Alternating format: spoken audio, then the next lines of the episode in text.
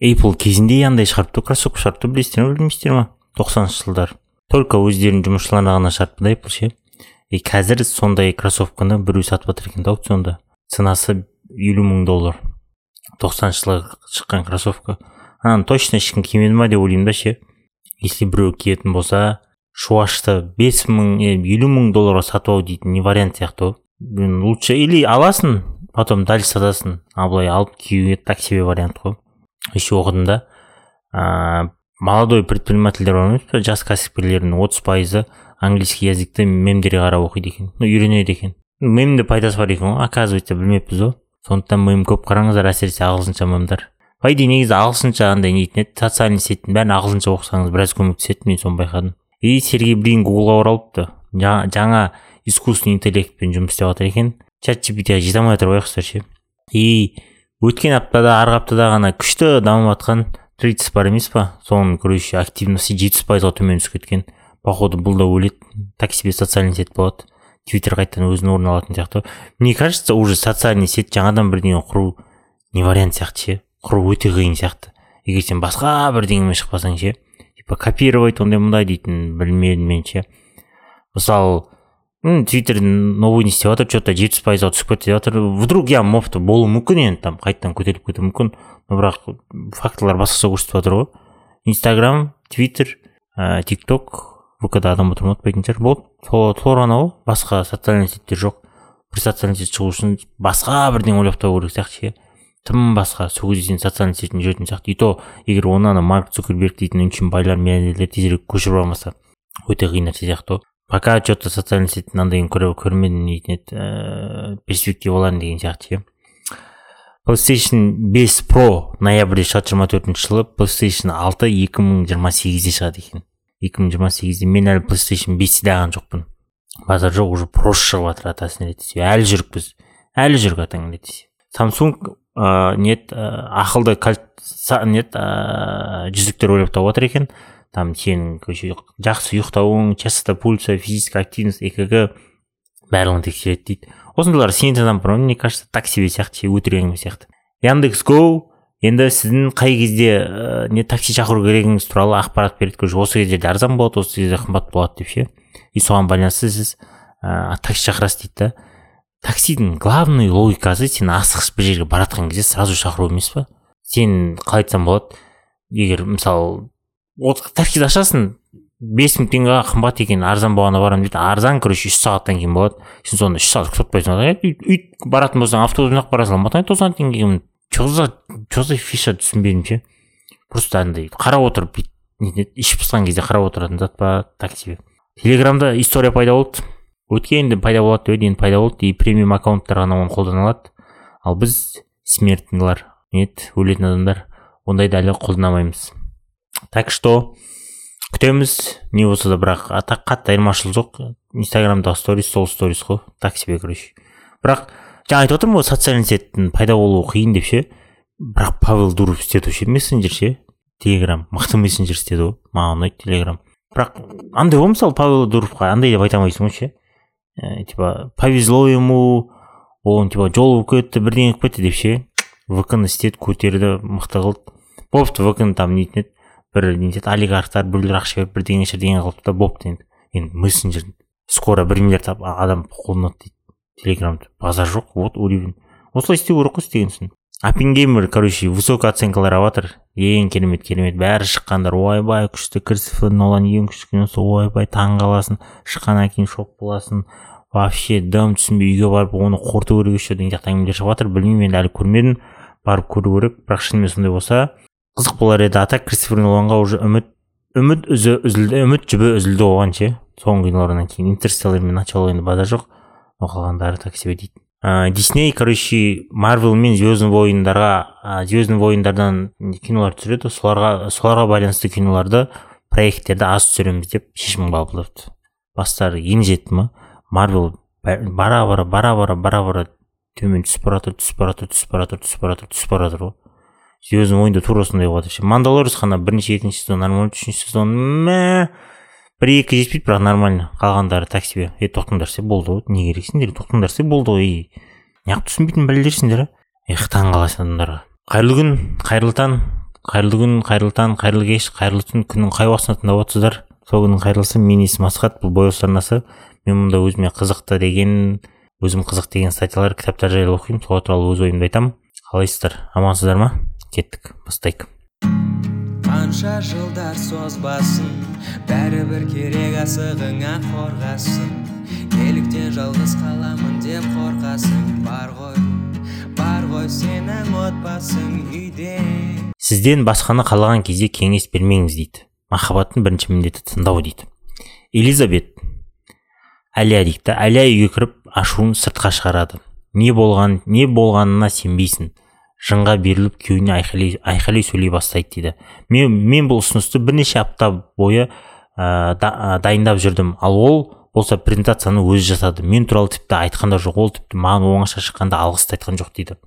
Ол ішіндегі барлығын айтуды жалғастырып жатыр. Ал күйеуі дэйв ә, дәкең әйелін тыныштандыратын ә, сиқырлы сөздерді ойлап табуға тырысып орындықта ары бері қимылдап отырды дейді. Ақыр соңында әйелінің ашуланған сөздерінің арасына бір екі сөздерді айта, айта бастайды. Құдай үшін әлия сен бұған тым қатты көңіл бөлесің тым қатты көңіл бөлем дейсің бе? деп әлия жауап берді. Мен кішкене болса да біраз құрметке лайықпын ал ол болса деп да неге оған сені өзіңді ашуландыруға жол бересің? деп дәкең тағы айтты дейді. Көп рахмет саған неліктен мен мұның бәрін саған айтып отырмын деп әлия ренжіп қалады дейді. Былай қарасаң как будто қыздардың логикасы сияқты болып көрінеді но бұл жерде тереңірек короче проблемалар жатыр ғой. Ары қарай қазір айтқаннан кейін түсінесіздер. Ал сіз әрі қарай не болып жатқанын өзіңіз өзіңіз мен айтпай ақ білесіз дейді. Әлияның өз ә, сөздерімен бөлісу қажеттілігін қажеттілігінен басталған нәрсе күйеуімен проблема шешуге айналды. Бұл көптеген қатынастарда болады. Бір адам жанашырлық пен қолдау үшін екінші адамға жүгінеді бірақ оның орнына оның сезімдерін оның оны төмен оның сезімдерін және оны төмендетеді. Және ол ренжіп ә, жаңа ғана жанашырлық пен түсінік, ә, түсінік, ә, түсіністік іздеп келген адамға ашуланады. Кез келген адам жақсы кеңес бере алады. Бұл мүлде қымбат емес дейді роберт бертон. Не достастық шіркеуінің негізін қалаушы дейді. Кез келген адам жақсы кеңес бере алады. Бұл мүлдем қымбат емес. Роберт бертон айтып кетіпті мұндай проблемалар әдетте эмоциялары шегіне жеткен адаммен қалай әрекет етуге әрекет ету керектігін білмеген кезде пайда болады. Біз шынымен оның өзін жақсы сезінген, сезінгенін қалаймыз. Біз оны тыныштандырып оны қатты ә, ренжіткен мәселені шешуге көмектескіміз келеді. Осы шиеленісті сәтті бізге ә, жағдайды қандай да бір жолмен жоюға ә, тырысу ең орынды болып көрінеді дейді. Сондықтан біз біздің көзқарасымыз бойынша ең айқын шешімдерді ұсынамыз. Тыңдашы сенде бұдан басқа қандай амал бар? Немесе мен саған бұл жұмысты тастап кетуіңді көптен бері айтып жүрмін. Сондай ақ біз көбінесе адамның сезімін өзгерту арқылы бәрін түзетуге тырысамыз. Бұны жүрегіңе жақын қабылдамашы. Немесе ол олай жасағысы келмеген деп ойлаймын. Қателескен шығар олай жынданғаннан пайда болмайды. Олай өзіңді жындандыруға жол бермесейші дейді. Бірақ ең сорақысы біз жағдайдың ауырлығын төмендеткенде төмендеткен кезде болады. Жұмысыңның бар, барына шүкір десейші немесе ой осы проблема болып ма? Не ол? Менде қалай болатынын білесің ғой вообще жаман. Әңгімелесу үшін тыныштандыруы үшін ең жақсы әри, ә, ең жақсысы әрине ниет. Бірақ мұндай ескертулерді адамдар әдетте түсініксіз және сезімсіз деп қабылдайды. Ал адам сіздің сөздеріңізді ә, сезімге берілсең сен ақымақ болып көрінесің деп естиді дейді. Мұнда көріп тұрсыздар ғой. Саған біреу совет сұрап келген кезде біз ақыл айтып кетеміз дейді. Автоматически ең жаман жаңа деп отыр. Типа ой жұмысың барына шүкір де сен осыны проблема деп тұрсың ба? Вот менде қандай проблема екенін білесің ба? Мен бүйтемін мен сөйтемін сенікі туфта ғой деген сияқты ше. Осы ең жаман осы дейді да. Бізде ондай жаман ғой ше. Осының барына шүкір айт осының барын осының барына тәубе де үсте ұстай деген сияқты или там. Біреу саған проблема айтып кетсе оны тоқтат сен өзің проблемаңды айтып оның проблемасын ничего сияқты істей саласың ғой ше мұндай жағдайлар ата аналар мен балалар қатынасқан кезде ерекше нәзіктікпен ерекшеленеді. Стив пен тина робинс стив пен тина робинсон маған қызы проблем, проблемалары туралы сөйлеуге сөйлесуге келді. Жақында тоғыз жастағы ақылды және сүйкімді қыз нэнси балалармен қарым қатынаста қиындықтарға тап болды. Ол өзін агрессивті шыдамсыз және дөрекі ұстады. Нәтижесінде достарынан айырылды ата аналар не болып жатқанын білгенде олар қыз ә, қызымен шын жүректен сөйлесуге тырысты. Не болып жатқанын білгенде олар қызымен шын жүрекпен сөйлесуге тырысты. Әңгіме барысында олар оған достықтың маңыздылығы және адамдарға деген жаман қарым қатынастың жағымсыз салдары туралы бірнеше керемет кеңестер берді. Бірақ нэнси олар ойлағандай әрекет етпеді. Қыз тұйық және көңілсіз болды дейді. Робинсондар қыз, қызымен сөйлесуді түсіндіруді тастамады бірақ олардың күш жігері әрдайым түсініксіз ашуланшақтықпен кездесті дейді. Ата анасы нэнсиді менің, ә, менің кабинетіме алып келді. Мен одан оны не мазалайтынын сұрадым. Ештеңе деп қыз ә, кесірмен жауап берді. Мен сол сұрақты бірнеше рет әртүрлі, жақ, ә, әртүрлі жағынан қолданып қойдым. Соңында тағы бір жауап естідім. Мен білмеймін деп ненси жауап берді. Мен ары қарай сұрақ қойып ә, сұрай бердім. Бірден ә, бірдеңе дұрыс емес болу керек. Өйткені сен өте жақсы қыз екенсің деп. Ол тағы да білмейтінін қайталады. Бірақ ол басқа сөздерді табуға тырысқанын анық көрінді. Содан кейін кішкене кідірістен кейін книтон ол мен бірінші болып туылдым сондықтан мен бірінші болып өлемін деді және жылап жіберді дейді. Нэнсидің мінез құлқы інісі туылғаннан кейін өзгере бастаған белгілі, белгілі болды дейді. Бауырдың пайда болуы бейімделудің бейімделудің әдеттегі проблемасы алдымен қыздың өсуі мен өлу арасында өткізген ассоциациясымен содан кейін оның қорқынышымен жалғыз қалғандай сезінумен қиындады дейді. Ата аналар оның мінез құлқының өзгеруіне жақсы кеңестер мен нұсқаулар жауап ә, жауап жақсы нұсқаулармен жауап бере алды. Бірақ олардың ешқайсысы бала кезінде незе сияқты отбасында тұңғыш бала бола алмағандықтан олар оның қорқынышын танып бағалай алмады. Ал қызға шыдамдылық пен табандылық танытып өзінің күрделі және ауыр сезімдерін сөзбен жеткізудің жолын табуға көмектесетін біреу ғана қажет болған дейді. Біреу ғана қажет болған.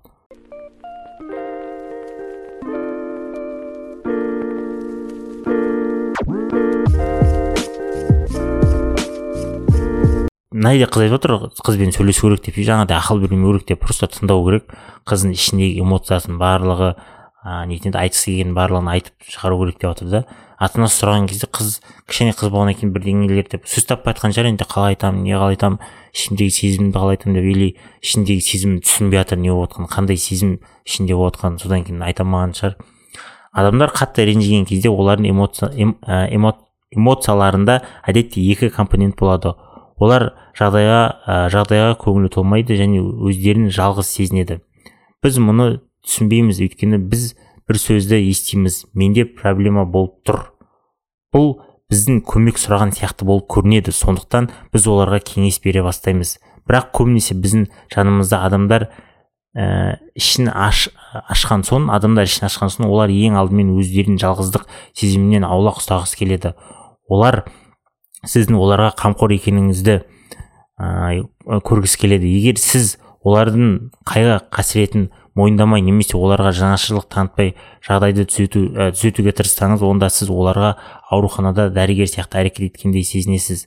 Сіз олардың қиындықтарына жеке енбейсіз тек интеллектуалды шешім іздейсіз немесе тіпті оларды олардан қорғануға тырысасыз дейді. Вот көп адам бізге келген кезде эмоциональды екі компонент болады деп жатыр да. Ол оның жағдайға көңілі толмайды және ол өздерін жалғыз сезінеді дейді. Егер де жағдайға көңілі толмаса ол значит ақыл сұрайды. Ал өзін жалғыз сезінсе значит оған оның қасында болу керек оны құшақтау керек сенімен біргемін деу керек и және оны тыңдау керек. Барлығын айтып болғанға шейін ішіндегі бәрін айтып болғаннан кейін. Ал адамдар көбінесе бізге қалай келеді деп жатыр. Менде проблема болып тұр. Менде осындай жұмыс болып тұр. Менде осындай мәселе болып тұр деген сияқты. Ал біз оны сразу типа андай ретінде көреміз ақыл айт деген сияқты. Өзімізге андай бұрмалап аламыз. И ақыл айтып ақыл айтып кетеміз деп жатыр сразу. Ал басында осы екеуін айыр, айырып алу керек деп жатыр мұндағы басты мәселе біз ә, көбінесе таза эмоциональды жалаңаш логикаға жауап береміз. Ал әңгімелесуші әңгімелесуші назар мен жұбаныш іздейді. Егер біз жауап ретінде мәселенің шешімін ғана ұсынсақ ол мұны жиі түсінеді. Сенің ренжігеніңнің мен үшін маңызы жоқ. Біз оған мұндай логикамен аспирин екі таблеткасын ішіп таңертең маған қоңырау шалма деп айта аламыз дейді. Егер біз жауап ретінде мәселенің шешімін анық ұсынсақ ол мұны жиі түс, ол мұны ә, былай түсінеді. Сенің ренжігенің мен үшін маңызы жоқ дейді. Значит типа типа мен, айтады мысалы келеді міне міне осыны осыны мен осыны проблема айтасың осы осы шеш осы осы шеш бар баршы болды айттым ғой саған жауабын. Миыңды ашпашы деген сияқты сөйтіп андай естіледі деп жатыр ғой адамға ше ал ол адам сенен типа сені тыңдағаныңды қалайды да. Сізге шынымен жақсы ә, көретін адамыңызға қандай да бір шешім ұсынбас бұрын қатты ренжіген кезде оған қамқор екеніңізді сіз үшін бәрібір емес екеніңізді көрсетіңіз. Егер олай етпесеңіз оның ашуы сізге қайта оралуы мүмкін. Ол сізге ә, жанын төге бастайды. Сіз ештеңе түсінбей ә, сен ештеңе түсінбейсің дейді ол. Мен бәрін түсінемін деп жауап, бер, ә, жауап бересің. Мен сенің осылай істеуің керек екеніңе сенімдімін. Кейін ол сені оған мән бермейді деп айыптауы мүмкін. Ал сен осы нәрсеге жауап бересің. Мен бұған қалай мән бермеймін? Егер маған бәрібір болса неге мен саған проблеманың шешімін ұсынып тұрмын? Назар аударыңыз. Осы сәтте эмоциялардың берілуі орын алды. Енді сіз ашуланасыз ал әңгімелесуші тынышталады дейді. Короче келеді. Саған айтады осындай осындай осындай. Сен типа проблемасын айтасың.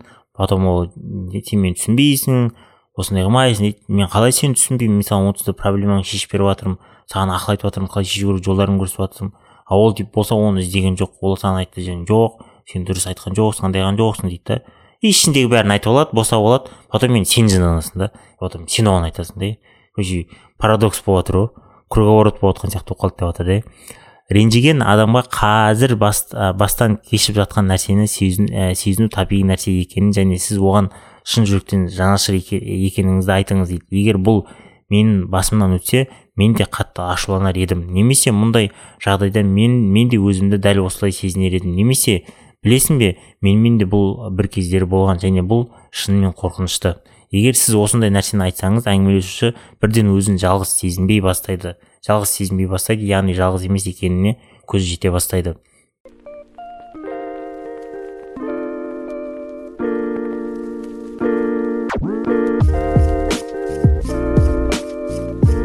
Келесі қадамдарың, қадамдарыңыз былай болсын.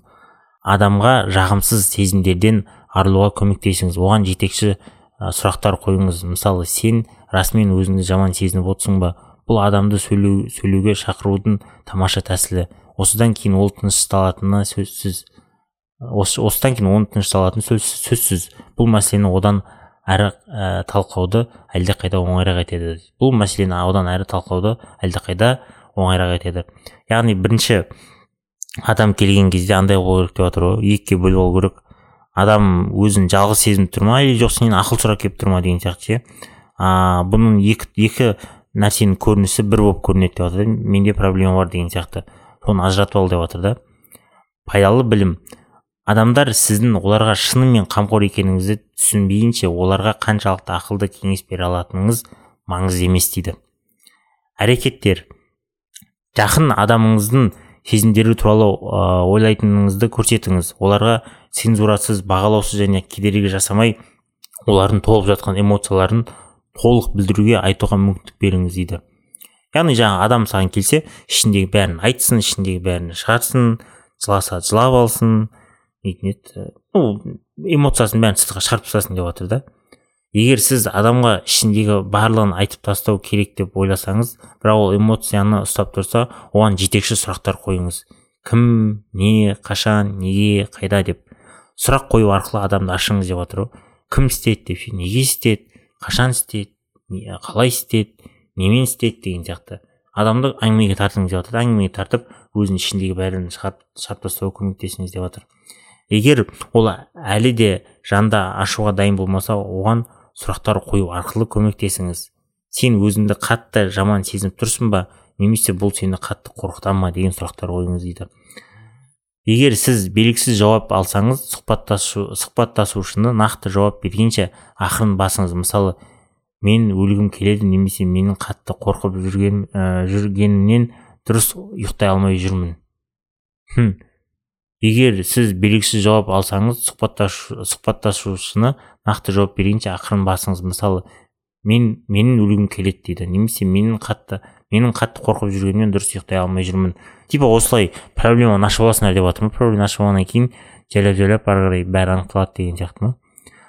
Соңында жалпы ереже сізден сұрамайынша кеңес бермеңіз. Егер сіз адамға сіздің кеңесіңіз қажет екенін білмесеңіз олардан бұл туралы тікелей сұраңыз дейді. Вот вот ең ең керек кеңес.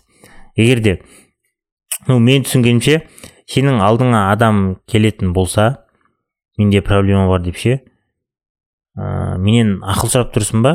Жоқ мен сені тыңдаймын ба деп сұрау керек сияқты егер білмейтін болсаң. Ну желательно сразу анықтаған дұрыс. Әрине өйткені адам өйтіп айтатын болсаң адам андай болып қалатын сияқты қалай айтсам болады. Типа недогон болып қалатын сияқты ғой и сондықтан сразу адамды ашып адамды көруге тырысу керек деп ойлаймын. Сол кезде адам саған толығымен ашылады. И нетін еді? Ашылғанда байқамай қалады дей ма сондай сияқты болады деп ойлаймын. Ал бізде жаңағыдай істемеу керек қой. Мысалы айтты басында. Ой сенде сол проблема болып ма не болып соншама менде одан да өткен менде осындай болған менде осындай болған. Сен вообще екенсің сен бүйтіпсің андай мындай деген сияқты ше. Саған айтып келді ма проблемасын просто тыңда деп жатыр да. Негізі бірдеңе айтып келді ма мне кажется просто тыңдау керек. Адам өзі айтады не істесем болады деген сияқты ше. Сол кезде мне кажется ақыл айтайын ба деп сұрайсың сол кезде иә сол кезде ақыл айтасың а вот тупо тыңдап отыру деген дұрыс сияқты ше бірдеңе бірдеңе ше. Айтады ғой сен ты хороший слушатель деген сияқты ше вот сондай сияқты ше тыңдап отыру керек ішіндегі бәрін айтып алғаннан кейін біреулер бар вообще келеді да мысалы ойбай менде проблема бар дейді да саған короче тоқтамай андай андай адамдар бар тоқтамай айтатын деп ше сен сөз айта алмайсың короче и бәрін айтып болғаннан кейін ух рахат болып қалдым рахмет саған рахмет деп кетіп қалады да ше сен проблемасын шешкен жоқсың ақылды айтқан жоқсың просто айтқан нәрселерін тыңдап отырдың біреулер тыңдамайды да ғой ол типа айтып айтты да босап қалды ішім бәрі рахат болып қалды е рахмет деп кетіп қалады да сондай моменттер болады деп жатыр да вот ақыл сұрап келсе ақыл айтыңыз дейді да мен вообще негізі ақыл дегенде мен өз басым ақыл айтқанды жек көремін. Ұнамайды маған ше біреуге ақыл айтқанды ше. Өйткені өз өзімді мен ойлаймын мен әлі ақылды емеспін. Біреуге осындай деп ақыл бере алмаймын деп ше бірде жеңе жайлы бір, бір нәрсе жайлы қалай істеу керек жайлы ше. Өйткені мен вообще менен үлгі алатын адамдар болмай ақ қойсыншы деймін ешкімге, ешкімге үлгі болмай ақ қойшы деймін ше. Егер де үлгі болсаң өте қиын нәрсе ғой. Өйткені ол жауапкершілік қой ше саған қарайды сенің қандайыңды қарайды дегендей ше сен не істейсің не қыласың қалай сөйлейсің оның бәрі жауапкершілік қой. Болды сен жауапкершілік қарамаймын деп нафиг андай деп жүре беретін болсаң жүре бересің ол саған адам андай қылып жатқан үлгі алып жатқаннан кейін кішкене сезіну керек қой. Сондайда мен ақыл айтқым келмейді. И біреуге үлгі қатты болғым да келмейді. Жалпы бүгін сіздерге айтатын ақылдарым міне соңында жалпы ереже сізден сұрамайынша кеңес бермеңіз. Егер сіз адамға сіздің кеңесіңіз қажет екенін білмесеңіз олардың бұл туралы тікелей сұраңыз дейді. Түсіндіңіздер ғой адамға тікелей кеңес бермеңіз бір адам келсе просто егер шынымен кеңес керек болған керек емес па білмесеңіз тупо одан тікелей сұраңыз. Саған ақыл керек па бауырым деп. Егер иә десе жауап бересің жоқ десе все болды айта бер қасында отырмын дейсің ғой. Бәрін тыңдап отырмын деген сияқты ше. Все бүгіндікі осы бүгін жаңалықтар аз болды. Мм ендігі жолы жаңалықтар көп болатын шығар енді. Жаңалық деген күнде шығып жатыр ғой. Жаңалықтар көреміз енді не болса да. Аман болыңыздар сау болыңыздар. Келесі кездескенше көріскенше давайте.